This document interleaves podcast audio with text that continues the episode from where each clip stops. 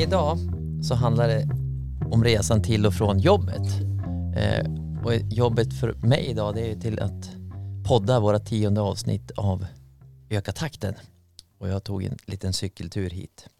Eh, alla de poddar vi har gjort hittills i den här serien har handlat lite grann om de projekt vi driver för att snabba på omställningen från fossilt till förnybart och samtidigt så ska det vara en bra affär både för företag och privatpersoner och organisationer i länet.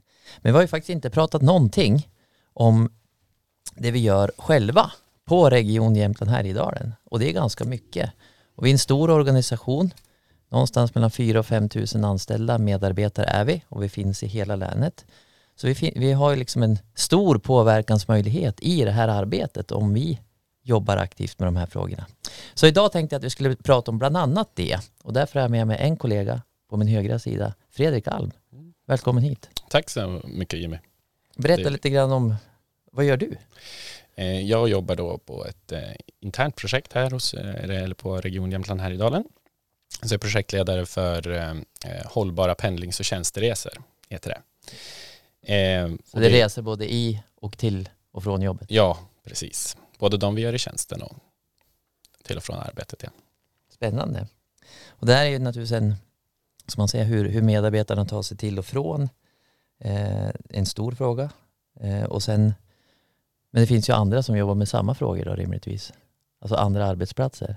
I, ja, det finns det säkert, helt säkert. Eller hur Katarina? ja, För Vi har ju precis startat upp ett, ett jobb som handlar om just det också. Ja, vi jobbar med de arbetsplatser som ligger utanför Region Jämtland Härjedalen eh, som organisation. Alla andra, Så övriga. I, I det geografiska länet men utanför organisationen? Ja, och även angränsande faktiskt. Mot Norge och mot eh, Västernorrland och så. Eftersom vi vill fånga arbetspendling så sker det ju även över geografiska gränser. Just det. Vi sa bara Katarina, men du har ett efternamn också. Jag heter Ryckenberg också. och Fredrika, ni är jättevälkomna hit båda två. Eh, temat som sagt för dagen, det är hur vi reser till i jobbet, till och från jobbet. Och för många är det här både liksom en stor, kanske den största klimatpåverkan man har, beroende på hur långt man har till jobbet och sådär och hur man tar sig. Eh, det innebär också att för många är det här en ganska stor kostnad i plånboken så kan man liksom göra förändringar där så kan man göra stora förtjänster både, både ekonomiskt och miljömässigt. Och det är det vi tänkte prata lite grann om idag. Att vi ska liksom försöka förändra det. Och är det någon, ska man säga, är det någon gång som för många, långt ifrån för alla som det här har förändrats så är det ju under den här våren. Där många kanske har ombetts eller beordrats eller har fått möjligheten att sitta hemma och jobba. Långt ifrån alla, men ganska många. Och det är klart att det är en väldigt stor förändring om man, om man går från att åka till jobbet varje dag till att inte göra det. Eh, både liksom i, i livet och eh, ekonomiskt och miljömässigt. Det är en stor förändring. Hur har ni påverkats av det här? Jag har ju suttit en del hemma. Hur, hur har ni gjort? Eh, ja, alltså jag tycker att den här, hela den här tiden har varit väldigt omvälvande. Ja. Och personligen så har jag ju suttit mycket, mycket hemma och jobbat. Dels för att jag har varit lite sjuk i corona till och med. Eh, så att det har ju varit verkligen en, en, en möjlighet ändå att kunna ha en arbetsgivare som ger möjligheten att jobba hemma så man ändå kan fortsätta mm. jobba med det man gör. Det är en ganska stor förmån. Det är långt ja. ifrån alla som har det. Absolut. Katarina? Ja, jag har också jobbat hemma mest hela tiden faktiskt. Gjort några korta inslag, kommit in till kontoret och träffat lite kollegor. Men mest hemifrån. Och, och, ehm, dels har jag inte velat vara på sjukhuset så mycket eftersom vi sitter där placerade. På sjukhusområdet i Sjukhusområdet, mm. Ja, precis. Eh, och sen så, ehm, ja men jag måste säga vi har fått bedriva utvecklingsarbete verkligen i praktiken ja. med alla dessa digitala möjligheter som finns. För det är en sak att det liksom, som man säger, våra egna resor till och från jobbet, alla vi tre bor ju relativt nära så det är ingen jättegrej den stora grejen är att vi inte har rest någonting i jobbet. Alltså vi har inte fått göra några, vad kallas det nu, icke nödvändiga resor. Alltså ut på företagsbesök eller vad det nu kan vara. Eh, utan istället har vi fått ha kontakter på andra sätt.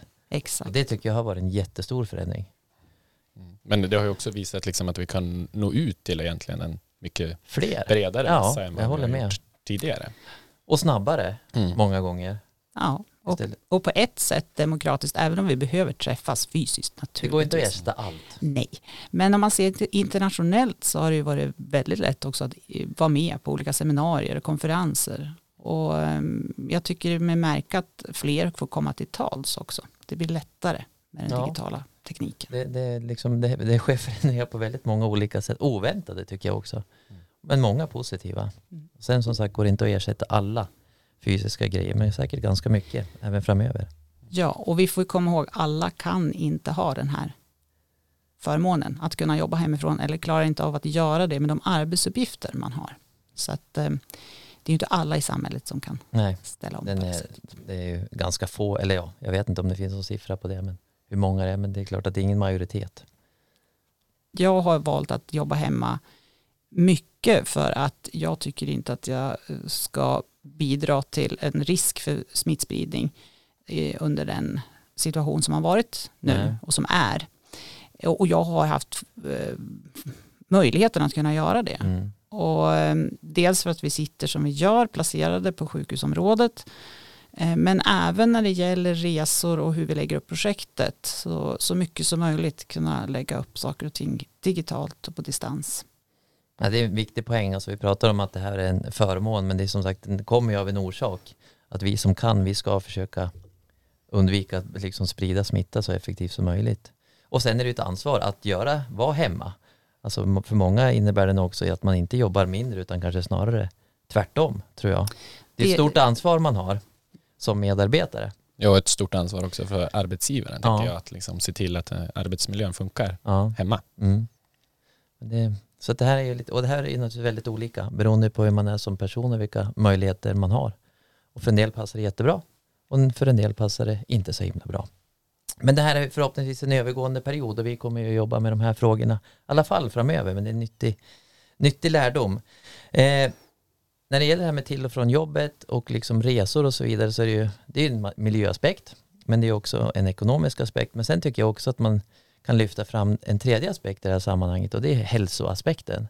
Alltså att förändrade resvanor kan förändra både åt, åt, olika håll då, hur man, beroende på hur man förändrar de här resvanorna att man kan påverka sin hälsa. Det kan också vara viktigt att lyfta fram. Det tänkte jag försöka få med idag. Är det någonting annat vi inte får glömma tycker ni? Jag tycker vi får inte glömma att alla människor är olika. Att vi ska lyfta fram det i mm. avsnittet. Ja. Snyggt. Det här avsnittet av podden Öka takten finansieras precis som de tidigare avsnitten har gjort av bland annat Europeiska regionala utvecklingsfonden. Va? Visst är det så Katarina? Det stämmer. Och projektet heter mer formellt? Mitt projekt heter Testresenär, arbetsplatser, Region Jämtland Härjedalen. Och Region Jämtland Härjedalen är också en av finansiärerna för idag och Fredrik, eller hur? Mm. Snyggt, då kör vi!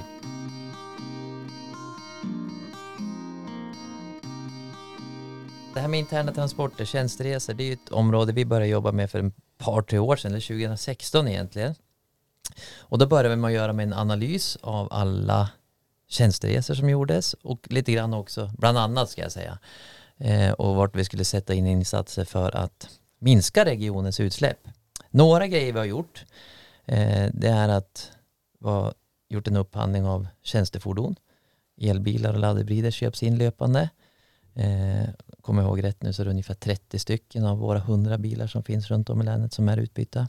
Vi har byggt laddstationer på 35 ställen så att man ska kunna ladda de här bilarna när man åker ut i länet och besöker våra olika verksamheter. Eh, vi kommer att komma in på länstrafiken lite grann sen som är också en del av det här jobbet. Men Fredrik, vad har vi gjort mer? För vi har ju jättemycket inom det här. Ja, eh, en viktig sak som jag tycker att vi ska nämna det är ju den interna klimatväxlingen Just som vi har som ändå är en, en viktig pusselbit för att liksom styra om från flygresor då till tågresor. Det måste du förklara lite mer hur det ja, funkar. Eh, man kan, olika organisationer brukar lägga upp det här på lite olika vis. Men vi på Region Jämtland Härjedalen har lagt upp det så att man lägger på 20 eh, på kostnaden på flygresor. Och de 20 procenten då subventionerar eh, tågresor. Med lika mycket? Va? Ja, med lika mycket. Nu är det ju så att vi fortsätter ju och flyger mer än vad vi åker tåg. Så att eh, det finns liksom pengar över. Och de här pengarna använder man då till att göra olika klimat och miljöinvesteringar då internt. Så man kan söka pengar helt enkelt från den fonden då, som man kallar det. Vad kan för det vara för eh, investering? Ja, till exempel byggt cykelgarage, cykelparkeringar och, och sådana där saker. Några laddstationer också ja. tror jag. Mm. Kul. Och där hörde jag, det finns ju andra regioner som också gör det. Jag hörde på radion häromdagen, jag tror det var Västra Götaland. De la, de la på en tusenlapp mm. på, på vissa liksom på vissa flygsträckor där det fanns alternativ. Så det finns lite olika sätt att lösa det. Mm. Men, det är jätte, men har det här medfört, kan vi se något resultat av det här? För nu har vi haft det här ett par år. Ja, absolut. Man, innan man införde det här så hade vi ungefär 12 procent tågresor av alla eh, resor till och från Stockholm då, som man mäter var tågresor. Och efter införandet, eller nu om man tänker 2019 då, då var det ungefär eh, strax över 30 procent. Så det är ändå en ganska stor förskjutning även om vi fortsätter att flyger. Så det har gått från 90, 88 12 till 70 30? Ja, ja. Det är, det är, en stor förändring. Mm. Men det, det är vi inte i mål än. Nej, Nej, det är vi inte. Men det är liksom ett viktigt styrmedel som vi ändå har. Ja. Om man, om man tänker så att det, det är en del att liksom andelen tågresor har ökat. Mm. Men ut, det är ändå utsläppen i slutändan som är de viktiga. Mm. Hur, kan vi se liksom någon trend där? Hur har de utvecklats? Jo, men det kan vi ju se. Vi, du nämnde ju en sån eh, analys som vi gjorde mm. 2016. Ja. Och vi gjorde ju en till nu då, 2019 för att titta på hur det har förändrats. Och där kan man ju se att utsläppen både från våra tjänsteresor och eh, personalens arbetspendling har minskat. Med drygt. Även personalen? Ja, Precis. Mm. Med drygt som... 30 eh, procent. 30 procent? Mm. Om man tänker totalen, både ja. tjänsteresa och arbetspendling. Då. På tre, fyra år? Mm. Och det är liksom, det, det, är många olika faktorer som styr det, men dels så åker man, det är ensam bil, äh, ensam i bil som minskar. Man, mm. ja, man äh, åker i större del samåkning eller att man åker buss eller äh, ja, kollektiva färdmedel då, eller cykel eller gång. Det här, och det här projektet du driver Fredrik, och hur finansieras det? Ja, projektet Hållbara pendlings och tjänsteresor inom Region Hem Jämtland Härjedalen är 100% finansierat av Energimyndigheten. Så det kostar inte oss en krona kan man Nej. säga? Nej. Om man tänker 30% på, om det är tre år då, mm. så det är liksom 10 procentenheter per år. Mm. Det är den takten vi måste hålla. Mm. Det var en, ja, en grej vi diskuterade i första avsnittet av vår podd, öka takten, att det är så fort det måste gå om vi ska nå totalmålen. Mm. Eh, men det låter ju jättekul. Eh, och det här, då gjorde det liksom kanske här att det inspirerar oss till att jobba med andra arbetsplatser. Nu tittar jag på Katarina här. Berätta lite grann vad syftet med ditt projekt är. Ja, syftet är ungefär detsamma ska jag säga som, som Fredriks projekt naturligtvis. Vi vill minska koldioxidutsläppen. Men vi vill också se att det här är en faktor som gör att attraktiviteten och konkurrenskraften hos de jämtländska företagen och näringslivet ökar är man medveten kring eh, sådana här frågor och kan erbjuda anställda och de som vill söka sig till arbetsplatsen att man har koll på läget både när det gäller klimat, miljö och andra horisontella kriterier som vi säger. Horisontella kriterier. Horisontella Snacka om nördigt uttryck som finns i bara våran, ja, våran projektvärld. Ingen annan pratar om. Jo, men eh, jämställdhet, jämlikhet, lika behandling, eh, att man har koll på de som kan ha funktionsnedsättningar och så vidare. Allt det här gör att man är en medveten arbetsplats och det ökar attraktiviteten att jobba. Att kunna ta sig till arbetet på ett bra sätt ehm, är en positiv faktor. Så om man summerar ihop det, de här, ja. alla de här sakerna, så handlar det om liksom att man som arbetsgivare kan bli lite mer attraktiv för nyanställningar till exempel? Man är attraktiv för nyanställningar och i och med det så kan man också tävla och konkurrera med andra arbetsplatser i Sverige och i regionen om att få kompetens. Och det är viktigt för vår regionala ja. utveckling, att vi får hit bra kompetens. Och det finns, ja, och oftast det innebär ju också om man tänker man jobbar med eh, hur man reser på arbetsplatsen så kan ju också det innebära minskade kostnader för arbetsplatsen i sig. Så det skapar liksom en bättre ekonomisk grund för företaget. Både det, och ekonomisk ja. och hälsomässig. Ja, och det, det berörde vi inte ens i det här interna jobbet vi bedriver på regionen. Det är ju också naturligtvis en jätteviktig aspekt. Om vi kan sänka våra kostnader för resor så är det ju jätteviktigt för oss. Ja, absolut. Och, och det går ju hand i hand. Ja, och det handlar ju mycket om, men vad, den största vinsten, ekonomiska vinsten ligger ju ändå hos personalen om man tänker att man kan välja ett annat arbete, ett färdsätt till och från jobbet. Till och från, ja. ja. Men sen så är det klart att det, det, minskar ju även regionens kostnader om man tänker på det du nämnde med hälsoaspekter om man får en friskare personal så är det ju sjuktalen och så som går ner. Eller frisktalen går upp. Ja, frisktalen går upp. Det går bra. Frisktalen går upp och nöjdare medarbetare. Mm. Det är, en, det är, och det är naturligtvis kanske svårt att sätta kronor i öronen direkt. Men när det gäller attraktivitet så är det oerhört viktigt. Ja. Snyggt. Eh, det här handlar ju om, jag är ju själv, jag kan ju tänka tillbaka ibland, det var ju som ganska, vi bodde ju rätt nära stan, fem kilometer till pappas jobb. Men det var ju som givet att han tog bilen till jobbet och så tog man bilen hem. Men jag kommer faktiskt fortfarande ihåg när han liksom började åka buss på morgonen och gick hem. Jag vet faktiskt fortfarande inte riktigt varför. Mm. Men det var väl någonstans med motion och sådär. Men oavsett vilket så är det en ganska stor förändring. Alltså man, det är en sak att sätta upp solceller på taket eller köpa en annan bil eller man gör sån här investering. Här pratar vi om att förändra vanor. Och det brukar liksom vara både liksom en längre process men också kanske lite ett känsligare område. Vad får vi liksom för respons när vi är ute och pratar om de här sakerna? Ja, jag skulle vilja säga så här att som alltid som man frågar får man svar.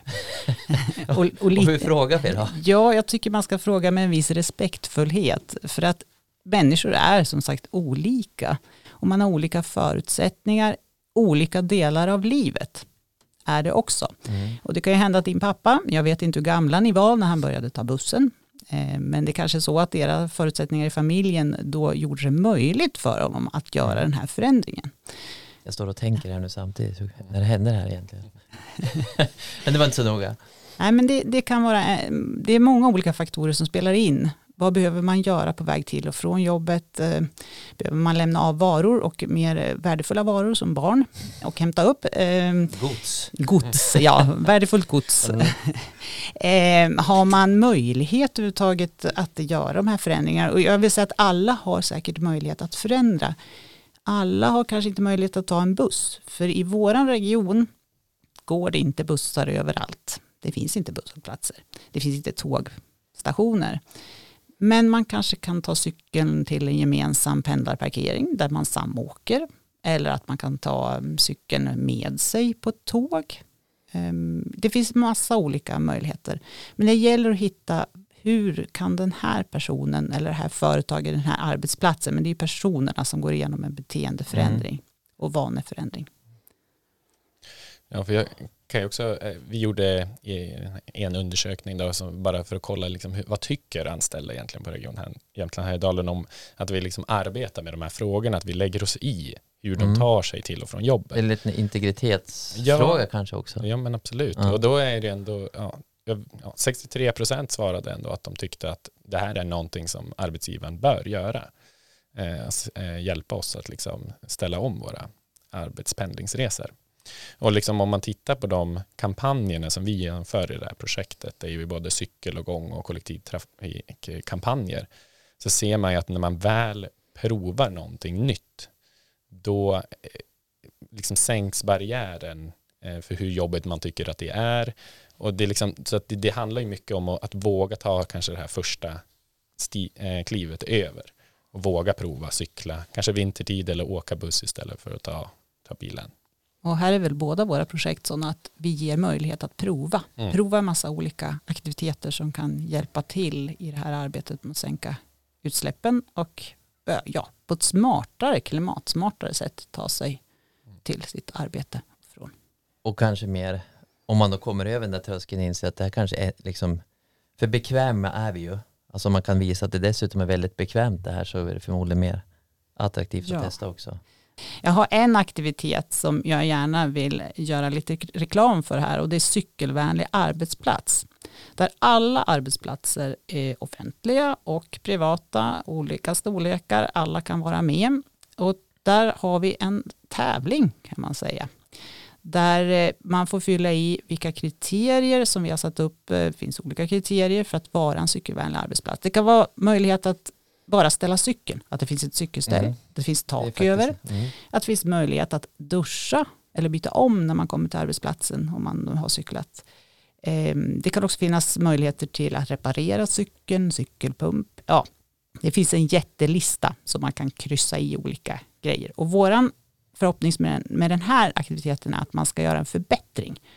Ehm, man har Jämfört ett visst idag? Ja, man har ett visst antal kriterier och de kan man då förbättra. Eh, och vi har ju som sagt lite andra förutsättningar ute på landsbygden här. Så ett eh, cykelundertak, det kan ju vara att man har en lada eller en, maskinhall eller vad som helst. Så det går nog för de flesta att kunna uppfylla många av de här kriterierna och förbättra.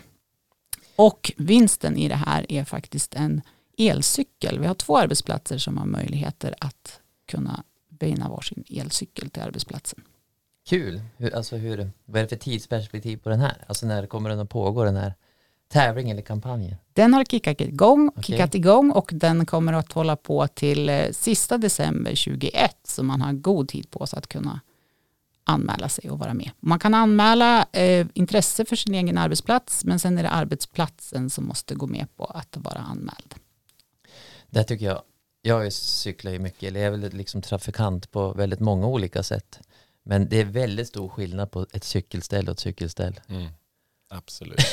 ja, liksom det här, man kan ju se framför sig när man hör det, det här vanliga, någon så här, hur ska man kalla det? Där man satte fast framhjulet bara. Mm. Och det är inte det man vill ha idag. Nej, Nej jag eh, reagerar lite på det, inget eh, liksom mot eh, Håkan eller som har podden, men det här cykelstället som är här är ju inte så, jag, jag, jag är så himla ja, bra. Vad ska man kalla det? För ja, det är så precis ett sånt jag menar. Mm, det är ju liksom inte, den där, man kan väl förankra det där ja. i backen, men ja, det var ju inte gjort nu då. Men, och sen så låser man ju bara fast framhjulet ja. eller bakhjulet och då går det ju väldigt lätt att bara klicka, klicka bort hjulet och ta sig med sig resten av cykeln. Det är ju ändå det som är värdefullt. Men till mitt försvar måste jag få säga att jag fick det där i 50-årspresent av min mamma. Det tyckte jag var väldigt snällt. Det var jättesnällt. Och, och, behovet här kanske är att familjen cyklar står upp. Exakt. Man måste ju fundera över ja. Och på en arbetsplats kan det vara. Och med tak över är inte oviktigt heller. Nej. Det behöver inte vara varmt. Men det är skönt om det är tak över. Mm. Eh, men då, det är liksom någonting som är på gång inom ditt projekt Katarina. Det här avsnittet av Öka takten ingår i projektet Testresenär. Det här är ett projekt som finansieras av Region Jämtland Härjedalen och Europeiska regionala utvecklingsfonden. Är det något sådär som är extra aktuellt just nu för dig Fredrik? Kanske inte just nu i sommar då, men liksom mm när det apropå kicka igång igen efter sommarsemestern? Ja, i, faktiskt så har vi ju en eh, sån här regiontramparomgång öppen då för våra egna anställda. Och den här regiontramparkampanjen det innebär egentligen att de som eh, anmäler sig den eh, kampanjen får möjlighet eh, ja, men då att prova på och cykla till och från arbetet. Och då får man utrustning då för att under, underlätta den övergången helt enkelt. Ett Vad kan det vara till exempel? Eh, ja, eh, vi har ju kört det här på vintern och då var det till exempel var det dubbdäck då, till vintern men det kan ju också vara en, en hjälm eller cykellyse eller ja, cykelskor. Som, ja, det är vad som helst som underlättar egentligen cyklingen. Då. Nu tänker jag bryta in, man får även vara trampare på fötterna. Ja, det har jag varit det, det och det är jättebra. Man, absolut, och det har man ju fått varit. Men just den här kampanjen som vi kör i, som är öppen för anmälan just nu, den är bara för cyklister. Ah, okay. ja. Eh, och så, så att eh, de anställda på regionen som hör det här kan ju gå in på insidan och läsa mer om den kampanjen och anmäla sig där.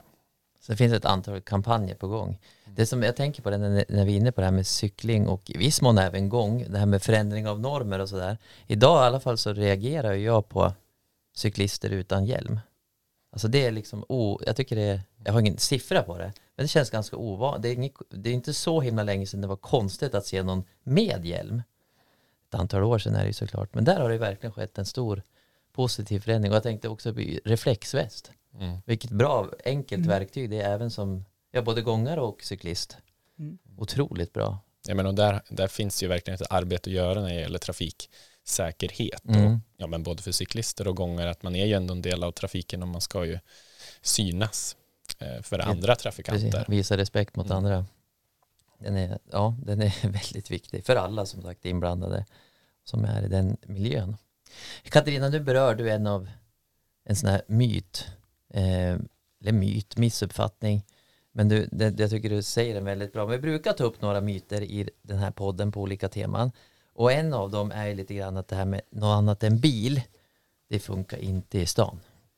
Utan det liksom, jo, Tvärtom. det funkar ju bara i stan, inte på landsbygden. Utanför Östersund om man har bilen, om man ska liksom men du är inne lite grann på att man kan ju faktiskt lösa det här med kollektivt resande ändå. Ja, alltså det vi försöker hitta, vi jobbar ju med utveckling och med utveckling försöker man hitta nya lösningar. Och människor är väldigt kreativa själv så det är viktigt att ta med de som eh, ska beröras av det här i processerna, vad som passar, för det passar olika på olika ställen. Och det passar kanske med olika kombinationer och allt behöver inte vara antingen eller, Nej. utan det kan vara kombinationer som sagt. Och nu kommer det ju mycket mer av eh, samåkningsappar och grupper på sociala medier. Grupper på sociala medier, anropstrafik till exempel, att man eh, kan meddela innan vilken sträcka man ska åka och, och, då kan man kanske få en buss eller en taxi som eh, sluter upp så att man kan komma in på busslinjen eller tågtrafiken. Är det en del av liksom länstrafiksystemet då eller? Ja det är det och det här är ju någonting som man vill titta mer på hur man ska kunna använda. För vi kommer inte att kunna ha kollektiva busslinjer över hela vår region Nej. Som stämmer med all, ja, och allas behov av olika tider att resa på. Nej. Utan vi måste hitta andra lösningar. Och det kanske kan finnas elpoolsbilar eller pendlarbilar från olika mm, hubbar, resknutpunkter till exempel. Jag tycker också att en annan viktig aspekt är ju Eh, kanske, ja men för att hela regionen ska kunna leva så gäller det ju också att man är eh, på plats där folk bor.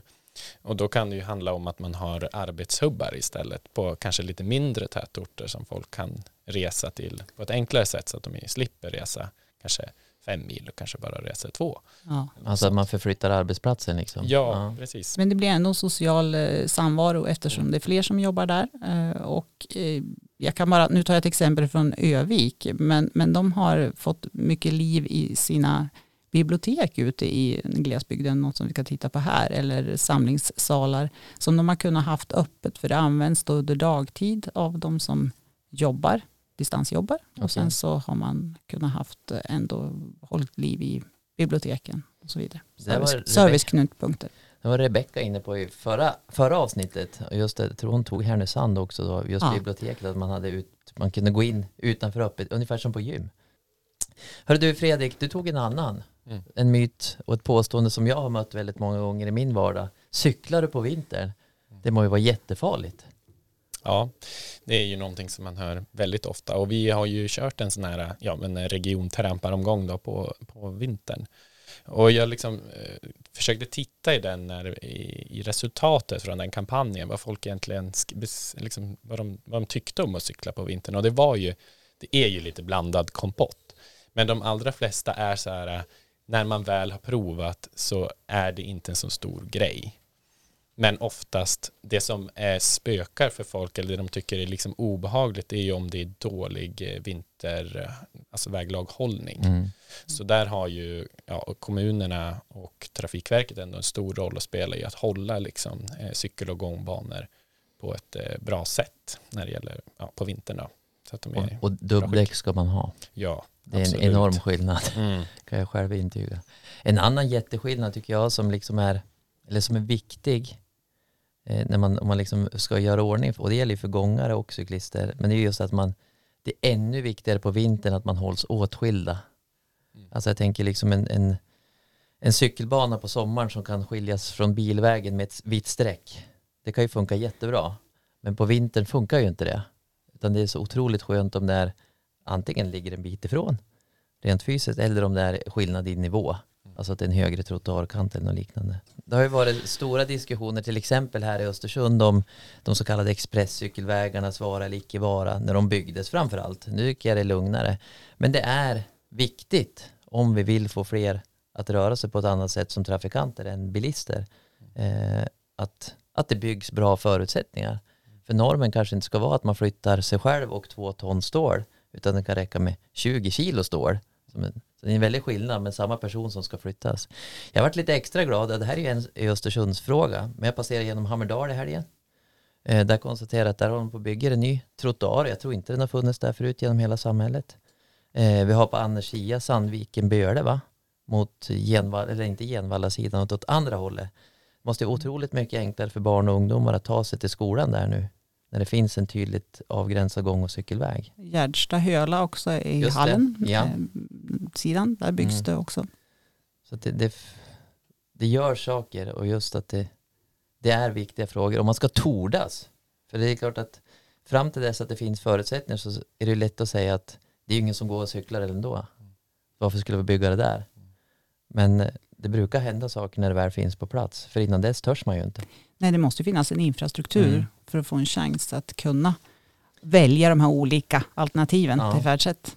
Och det är liksom också en, en del som vi ligger på vårt bord att försöka jobba med att förändra strukturer på arbetsplatserna men också infrastrukturer så att det blir möjligt. Vi påverkar och vi lägger fram undersökningar och mätningar och eh Eh, vetenskapliga ehm, framsteg som, som, som, vi lobbar emot eller lägger fram för politiker och beslutsfattare för att de ska kunna ha ett underlag för bra beslut. Eh, I mitt projekt så har vi tack och lov en förankring med, med alla kommunerna eh, som är med i projektgruppen. Ehm, så att vi har en ganska god spridning på de olika behoven och, och, och hur det ser ut i de olika kommunerna. Men jag vill lyfta en viktig fråga här som du säger Jimmy och det har med ja, infrastruktur är jätteviktigt men det var uppe nu på radion bara för några dagar sedan att kunskapen kring cyklist, hos cyklister om trafikregler är, är lite svag. Eh, det är också någonting som vi kanske skulle jobba lite mer med. För det händer någonting när människor sätter sig på cykeln som de aldrig skulle göra om de satt i bilen. Och tvärtom. Och tvärtom. och eh, precis, och det här är kanske nästa viktiga ja. vi måste ta tag i. Jo, nej men där, man, man, man, eh, man, har en, man har olika syn på andra trafikanter beroende på vilken trafikant man är själv. Ja. Så, och det, det är det nog ganska samfälligt att det är så. Kul, vi har ju berört det här lite grann, att en, en viktig aktör som vi samarbetar med och som har en jätteviktig roll att spela här är länstrafiken, som också är en del av oss på Region Jämtland här i Dalen.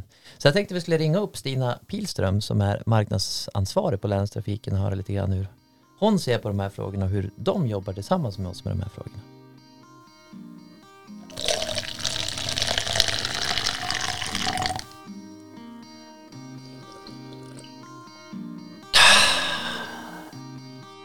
Tjenare Stina! Nej men hej Jimmy! Du jobbar ju på länstrafiken, men vad har du för roll där egentligen? Vad är liksom din uppgift är, på dagarna? Jag är marknadsansvarig, så att mitt... Jag ska ju se till att fler åker kollektivt kan man väl säga. Även om jag gör en massa andra saker också. Men så är väl det mitt huvud, huvudmål med arbetet. Hur går det då? Är det fler som åker kollektivt? Om man tittar i början av 2020 så, så såg vi att det var en, en, en ökning bland det kollektiva resandet i länet. Den var inte jättestor, men den fanns där. En, en liten eh, ökning är också en ökning. Ja, ja precis. Och när vi, tittar, när vi gör eh, sådana bedömningar så tittar ju vi på resandet året innan. Mm. Så att i, i jämförelse med året innan då. Vad kul. Så var det en liten, liten ökning. För det är precis... Eh, och tittar man på 2019 så jag kan tänka mig att början av 2020 var väl en, en fortsättning på 2019 för att under 2019 så många kollektiva resande som det var då har det aldrig mm. tidigare varit. Okej. Okay. Det låter ju toppen för det är ju liksom ett av ett tema för dagens avsnitt av podden Öka takten att vi vill att fler ska åka kollektivt till och från jobb, till och från skola och till och från fritidsaktiviteter. Precis. Vad är det liksom? Och den största, största eh, ökningen, alltså det är ju de som reser med det som heter ungdomskort. Mm. Som, som får sitt kort via kommunen. Kom. Eh, det är där man ser den flesta. Som... Har ni gjort något annat där som ni skulle vilja lyfta fram för att göra liksom enklare? För ungdomar är en, en målgrupp, men det finns ju andra också som gör att liksom det är enklare att åka med er, som så många kanske inte vet om. Ja, men egentligen så tycker jag ju att eh, om, man är, om man inte har testat kollektivtrafiken i vårt län, då tycker jag det första man ska göra är att ladda ner länstrafikens app. För att har man den, då, kan, då har man nästan fullföljt resan redan. Eh, där kan man ju... Åker man i appen? Liksom? Ja, man åker nästan i appen. Nej, men det, det, är ju dels eh, en eh, reseplanerare som det heter i appen där du kan då söka från en hållplats till en annan hållplats. Och då kan man dessutom få veta när exakt bussen kommer till den hållplatsen. Därför att bussarna har ju något som heter realtidssystem. Så att man kan följa bussen på en karta, vilket gör att man kan sitta hemma och dricka kaffe. Och jaha, nu är det två minuter kvar, då traskar jag ut till hållplatsen och ställer mig. Så man slipper stå där så länge och vänta på bussen. Just det. Eh, och sen kan man ju då även i den appen eh, köpa sin enkelbiljett. De här ungdomskorten nu då Stina, de gäller ju mm. för en viss ålder gissar jag. Eh, kan vi se någonting eller vad är liksom planen för att de här tjejerna och killarna fortsätter åka buss och tåg när de inte är ungdomar längre, när de inte får åka på det här kortet? Jag skulle säga att eh, alltså vi har haft de här ungdomskorten i, ja men det är, får se nu om man tänker sig alla, Åre var ju först ut eh, och sen kom de andra kommunerna. Nu har jag tyvärr inte det i huvudet, men vi säger då att det är fyra år sedan de införde de här ungdomskorten. Så tar det ju, det här blir ju liksom en hel generation så det kommer mm. ju ta ganska lång tid innan man kanske kan se den effekten. Eh, det man har gjort från länstrafikens sida är att man, för det här kortet gäller fram till, till eh, det år man fyller 19 år, till och med det år man fyller 19 år. Eh, sen finns det då en rabatt på övriga kort därefter, så att, som gäller då mellan 20 och 25. Och där är ju såklart en förhoppning att man ska försöka möta de här som faktiskt åkt gratis. Mm. Att inte behöva betala fullpris, att man har, har vuxenpriset. Eh, men jag tror att det är lite, lite tidigt att, att, att eh, dra några slutsatser i det eh, än faktiskt. Det är lite synd att det tar tid, för vi, liksom namnet på den här podden är ju Öka takten. Det måste gå fortare. Ja, precis. Det måste gå fortare. Men vissa saker måste ja. också få ta tid. Då ska vi avsluta ja, med den här frågan tänkte jag. jag. Vilja, ja, du vill, jag, jag skulle vilja vill prata mer. på den bara. Därför att, ja, men ett annat, alltså det, det krävs ju också att det finns eh, trafik som möter upp det. Ja. Eh, det. Ett sånt, att man har rest en del och vill fortsätta att resa för nu har man rest mycket till och från skola såklart, men man måste kunna resa ännu mer på det här. Alltså se att bussen är verkligen alternativ nummer ett. Mm. Och det kanske det inte är i hela länet, Nej. men på många platser kan det nog faktiskt vara det. Låter toppen. Vad, eh, då vi tänker ha den här avslutande frågan, för det är ju en klimatpodd också det här. Vad kör bussarna ja. på för bränsle? De kör, nu satte du mig på postkanten. Men det är förnybart men, hoppas jag? Ja, men i stadstrafiken så har vi en linje som går på el, ja. elbussarna. Ja. ja. Och sen så i, i regionbussarna så är det HVO. Ja, också ett förnybart bränsle. Ja. Mm. Det är förnybart i tanken och så har vi elbussar. Det är förnybart då har vi liksom, i tanken. Då har, vi, då har vi bundit ihop många poddavsnitt. Men då ska vi släppa dig på semester Stina. Tack snälla för så det. Så får hoppas du får en trevlig sommar. Jag önskar dig en trevlig sommar också. Hej då! Hej då! När ni hör Stina prata om de här sakerna, vad, vad tänker ni? Kring ungdomskorten till exempel. De tycker jag är helt, det är en helt fantastisk åtgärd om man ska se på hur man kan påverka beteendeförändring och go, eller goda vanor, men andra vanor. Jag tänker din pappa börjar lite senare i livet med att åka buss.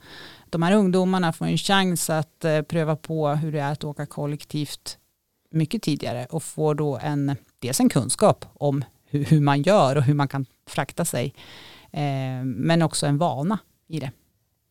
Ja, och jag tänker i, i, i mitt arbete internt så har vi ju kört en kampanj tillsammans med länstrafiken och Vibuss och Vitåg där vi liksom har försökt fått kanske lite äldre då och, och, de som är främst bilburna att prova, kanske som din pappa då Jimmy, att prova kollektivtrafiken. Och där ser man ju att det är en utmaning att hitta de här som faktiskt är villiga att göra den den övergången men att det ändå går om de får eh, chansen att kanske få ett, ett eh, subventionerat kollektivtrafikkort nu då, som vi gav dem att eh, de ändå tar det, det klivet över och börjar åka kollektivt. Ska det bli spännande att se sen om det kanske håller i sig. Ja, den hon var ju inne lite grann på det hon också. Att, mm. Mm. Hon, hon var ju också inne på att man skulle kunna gå ut till bussen kanske två minuter innan den kommer. Jag kan bara konstatera att ungdomen som vi har hemma hos oss som nyttjar det här kortet så det är inte två minuter utan det är två sekunder vi pratar om. Då ska bussen vara här, ingenting annat. Ni skrattar lite, kanske känner igen det. Vi kommer jobba vidare med de här frågorna. Det är mycket som är på gång. Eh, och vad är det vi har på, konkret på gång? Jag har frågat Fredrik lite grann, men är det någonting du vill lyfta fram Katarina? Ja, jag har en sak som jag vill lyfta fram som jag eh, tycker, jag vill uppmärksamma alla boende. Det här låter som en sån här varningsmeddelande ja. i Sångsvallen Britsbo. En meddelande som går ut på måndag. Ja, precis. Meddelande till allmänheten. Så allvarligt är det inte. Men vi har eh, lämnat ut i alla brevlådor där eh, ett kort där vi har önskan om att få in deras åsikter kring att vi ska försöka skapa en cykelpendelparkering vid en av busshållplatserna. Det här området där ute växer ganska snabbt och det innebär att eh, människor börjar få långt till busshållplats, närmsta busshållplats. Och då finns ju risken att man sätter sig i bilen och så fortsätter man att köra bilen ja, hela vägen man ska. Man ställer inte bilen vid busshållplatsen, man fortsätter Nej, och det, det, finns det inte heller några parkeringar Nej. för. Men om man har chansen att ta cykeln och kanske låsa fast den på ett bra sätt, tak som vi pratade om innan. Igen, Cykelställ, ja precis. Eh, då kanske det ökar chanserna. Så att vi är ute med en resvaneundersökning och vi vill gärna ha alla åsikterna från de boende i, som berörs i det här området och alla åldrar. Ska jag säga. Spännande. Från, från barn upp till så gammal man nu är. Alla som vill. Alla som vill. Kul. Om man blir sugen på att vara med på något av de här då? Om man vill komma i kontakt med dig Katarina eller dig Fredrik, vart ska man vända sig? När det gäller mitt projekt så är det enklaste att skicka ett mejl. Och då gör man det till testresenar regionjh.se. Klart och tydligt. Fredrik? Ja, jag tänker att det lättaste är att kontakta mig direkt ja. Eh, på fredrik.almet.regionjh.se. Snyggt. Mm. Då vet man vart man ska vända sig. Eh, just när det gäller den här podden eh, är det dags att avrunda. Och det är faktiskt inte bara dags att avrunda dagens, dagens avsnitt av podden utan det är även dags att avrunda vårsäsongen. Det känns kul och lite vemodigt att säga. Vi får se vad som händer framöver hösten men helt klart är att vi kommer ta lite sommarledigt i alla fall. Eh, så med det, men, men vi kommer inte ta ledigt framöver när det gäller att jobba med energi och klimatfrågor i länet och vi kommer att öka takten och göra allt vi kan för att göra det oavsett om det är i poddformat eller inte. Men det får vi se. Eh, med det hörni så tänkte jag att jag skulle tacka Fredrik och Katarina för dagens avsnitt. Det har varit jättekul. Tack för att få vara här. Och ett särskilt tack som vanligt till Håkan men Lundqvist som är vår producent här på poddverandan. Men inte bara för idag då, utan för hela den här väldigt konstiga men väldigt roliga våren. Tack Håkan. Och med det så säger vi en trevlig sommar. Du lyssnar på Öka takten som idag handlar om att ta sig till och från jobbet. Kollektivt, samåkning, cykel, gå, springa, kajak, skridskor, skateboard. Sätten är många, men det är de klimatsmarta sätten som faktiskt hjälper till att öka takten. Det här avsnittet ingår i projektet Testresenär och finansieras av Region Jämtland Härjedalen och Europeiska regionala utvecklingsfonden